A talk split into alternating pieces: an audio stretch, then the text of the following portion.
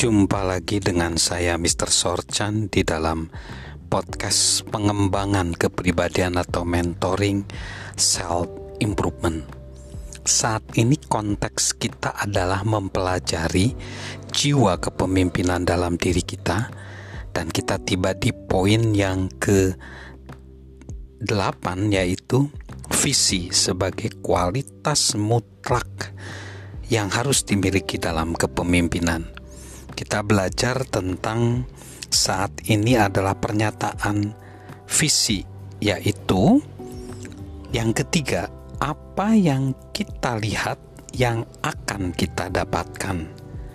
Hal yang ketiga yang perlu kita ketahui tentang visi, selain mengetahui bahwa apa yang kita lihat menentukan hal yang mampu kita wujudkan, dan apa yang kita lihat adalah apa yang siap untuk kita lihat, yaitu adalah apa yang kita terima sebagian besar didasarkan pada apa yang kita rasakan. Para pemimpin paham mereka harus percaya agar bisa melihatnya, sementara sebagian besar orang menjalani hidup dengan berkata, "Saya harus melihatnya agar bisa mempercayainya." Ilustrasi luar biasa dari konsep ini terdapat dalam buku karya Louis Palou, Dream Great Dreams. Palou menuliskan, Pikirkanlah betapa menyenangkan dan menyegarkan menyesap kok yang dingin. Ratusan juta orang bahkan miliaran di seluruh dunia telah menikmati pengalaman ini berkat visi Robert Woodruff selama menjabat sebagai direktur Coca-Cola tahun 1923 sampai 1955.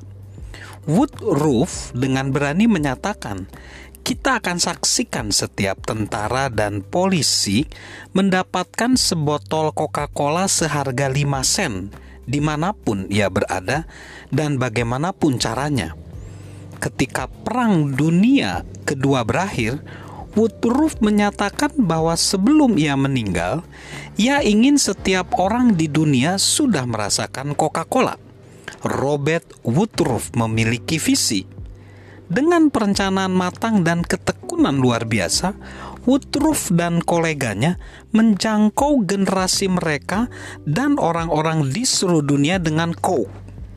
Ketika Disney World pertama kali dibuka, Mrs. Walt Disney diminta berceramah di grand opening karena Walt sudah meninggal. Ia diperkenalkan oleh pria yang berkata, "Mrs. Disney, seandainya Bapak Walt almarhum bisa melihat ini." Ia lantas berdiri dan berkata, "Ia sudah melihatnya." Lalu duduk kembali. Walt Disney melihatnya, Robert Woodruff melihatnya, bahkan Flip Wilson melihatnya. Apa yang Anda lihat adalah apa yang Anda dapatkan. Sebagai pemimpin, kita harus berupaya melihat lebih banyak hal dan terlebih dahulu melihatnya ketimbang orang lain. Kita harus memiliki cita-cita, kita harus menjadi kebalikan dari apa yang penulis Kenneth Hiddelbrand sebut sebagai manusia biasa yang menggambarkan sebagai orang yang hanya mempercayai sesuatu yang ia lihat, sesuatu yang dekat, sesuatu yang dapat ia sentuh. Ia melanjutkan dengan berkata, manusia biasa tidak memiliki kedalaman berpikir. Ia tidak memiliki visi, manusia termiskin bukanlah orang yang tidak memiliki uang. Manusia termiskin adalah yang tidak memiliki impian.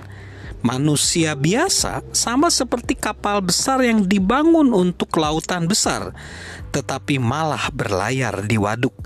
Tak ada pelabuhan jauh yang ia ingin jangkau.